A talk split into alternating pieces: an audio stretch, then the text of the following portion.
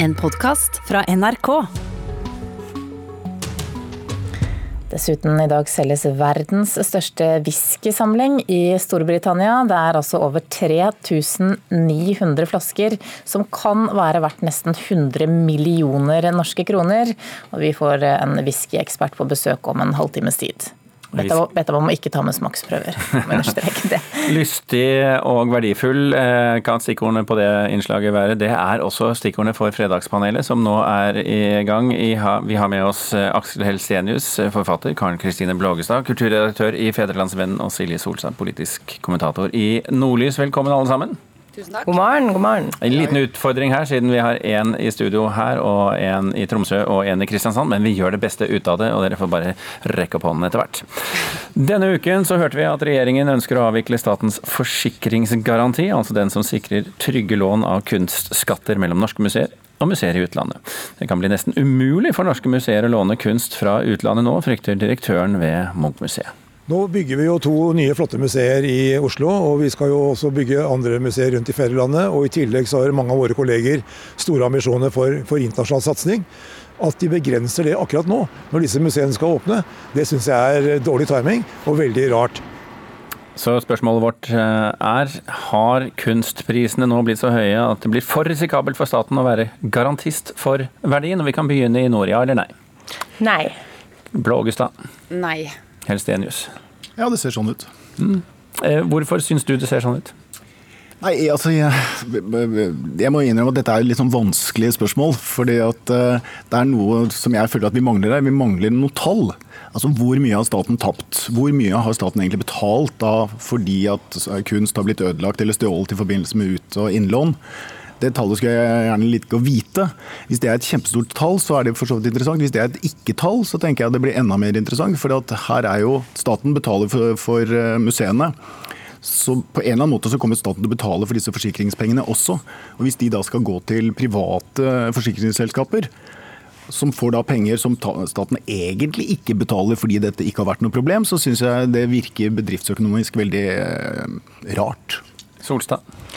Nei, altså eh, Kunstprisene i seg sjøl, hvis man ser bort fra sånne bananer som teipes med gaffateip til veggen og koster én million kroner, tror jeg ikke er argumentet her. Men det er kanskje omfanget av det. Jeg leste et tall på 15 milliarder i verdier. Og man vet jo at ting kan forsvinne eller stjeles. Så, så, jeg tenker at staten her ser sitt snitt til å på en måte minske risikoen. Og så har man jo sett eksempler på private som sørger for samlinger, ref. de her Fredriksen-døtrene og Nasjonalmuseet. Hva med deg, Blågestad? Nei, jeg tenker jo at uh, staten må ha et helt overordnet ansvar for uh, at norsk kunstliv kommer ut uh, i verden, og at det har kontakt med internasjonalt kunstliv uansett. Og så må det jo være en diskusjon av hvordan det skal gjøres. Men jeg syns jo også, som Helstenius sier, at det høres nesten fordyrende ut å skulle få dette ekstra mellomleddet med disse private forsikringsselskapene. For de må jo gå inn i dette med et ønske om å tjene penger på en eller annen måte. Så det må være noen teknikaliteter her vi ikke helt har fått oversikt over, og som kanskje ikke departementet helt selv ennå har oversikt over. For det er jo snakk om et litt fram i tid, dette.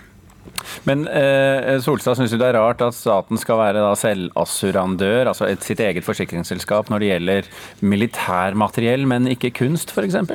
Jeg syns ikke det er et godt forslag. Jeg bare påpeker at eh, jeg tror ikke det blir noe museumsgerilja foran Stortinget for å beholde på en måte denne eh, løsninga, fordi at det er et eh, litt sånn særtilfelle. Så når Trygve Slagsvold Vedum er den som liksom tropper opp på Dagsrevyen og skal forsvare det, så det, det burde ha vært mer folkelig enn det, men jeg tror jo at staten burde burde sikre disse skattene. Ja, nå skal du jo leite veldig lenge etter noe mer folkelig enn Slagsvold Vedum om dagen. da. Eh, jeg syns det er litt underlige poeng. Jeg syns at staten må ha et overordna ansvar her. Og norsk kunstliv har eh, behov for å framstå som et hele med en profil og med en felles kulturarv.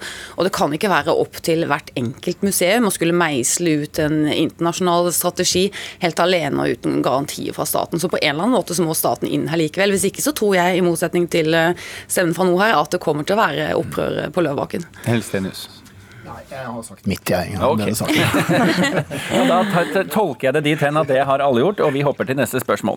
Sist lørdag tok blogger Kristin Gjelsvik et hardt og kontant oppgjør med dobbeltmoralen blant eh, influenserfolket, og det under bransjens store prisutdeling Vixen Awards. Kjernen var hvorledes bransjen generelt fremsto som gode forbilder, med alt sitt fokus på kropp, skjønnhet, luksus og plastikkoperasjoner.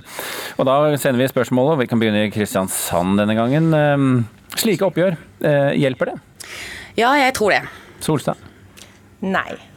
Helstenius. Overhodet ikke. Hva tror du det hjelper mot Blågestad? Nå skal jeg fortelle deg det. For det jeg tror er at eh, mange har som meg prøvd å gå gjennom sitt voksne liv og lese nyhetene hver dag uten å kunne navnet på disse influenserne eller bloggerne. Vi vil ikke vite hvem Sofie Elise er. Vi vil ikke vite, vi vil ikke inn i den verden. Når det blir en debatt i dette miljøet, så får du litt fokus. Og da eh, får vi eh, innblikk i en verden som jeg tror er veldig fremmed og eksotisk for oss. Og så skjønner man at den verdenen der, den trenger betydelig mer seriøs eh, journalistikk eh, på seg. Eh, hva disse influenserne selger av produkter, av livsanskuelser, av verdier. Hvem de har som målgruppe, som er våre kommende generasjoner. Unge og skjøre jenter veldig mye. Altså Det må få fokus, det må debatteres. Vi må løfte disse influenserne opp og fram og få lys på seg. Og så må de diskuteres og drøftes. Og så må vi prøve å avsløre at det er ikke sikkert dette er idealet som bygger norsk framtid. Aksel Helsenius. Nei, altså jeg syns det er interessant nå. Jeg kan jo heller ikke navn på disse her. Jeg måtte bare sånn pugge. Sofie, Elise, Elise, Sofie, Sofia eller hva de heter. Nå vet jeg det. Men i hvert fall så har jeg, leste jeg veldig interessant at uh, Ulrikke Falk hadde fem, hun, nei, 850 000 følgere på Instagram.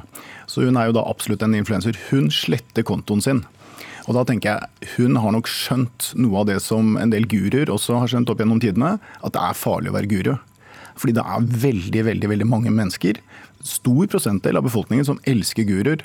Som kaster seg over guruer og gjør alt de sier. Altså Om de tar selvmord i Jonestown, eller om de kutter opp rumpa si eller løper store pupper. altså Det er et behov uti der for å legge seg under influensere og guruer. Eh, så derfor så jeg, Det er derfor jeg ikke tror at dette kommer til å hjelpe noe. For jeg er helt enig med det Blågestad sier. Men det viser seg jo at Du trekker en annen konklusjon? Altså jeg trekker en annen konklusjon at uansett hva vi, hva vi snakker om, og sånt, så vil det være guruer, og det vil være followers av guruer. og Det er veldig farlig. og Derfor syns jeg det var superinteressant at uh, Ulrikke Falk nå sletter kontoen sin.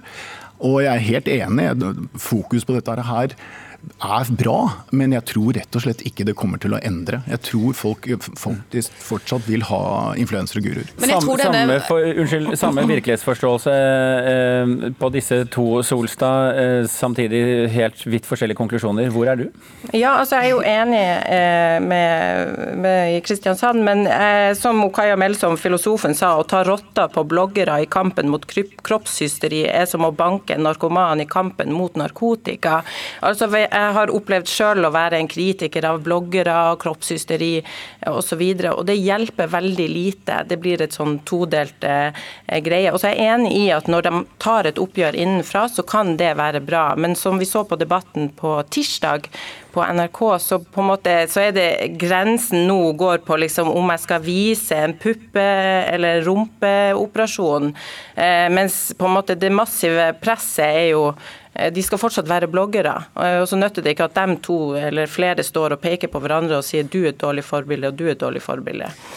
Men jeg er enig i at man trenger et fokus, og det at TV 2 på en måte forsvarer at de skal vise rumpa til Sofie Elise med at hun er en viktig stemme i samfunnsdebatten. Altså, man kan vise folk respekt uten å vise rumpa deres, tenker jeg. Ok, da, det, vet du hva, Bloggestad? Jeg synes det er helt Ja, at det var et godt poeng. Men, men jeg syns det var et fint sted å runde av den tematikken der, eh, for vi må jo ha med siste spørsmålet også.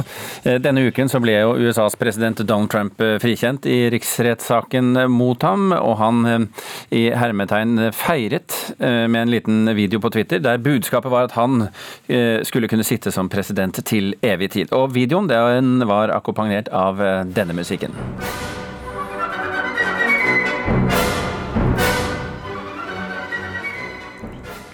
Så spørsmålet vårt er, eh, og vi kan begynne i nord, Solstad, var dette et godt musikkvalg?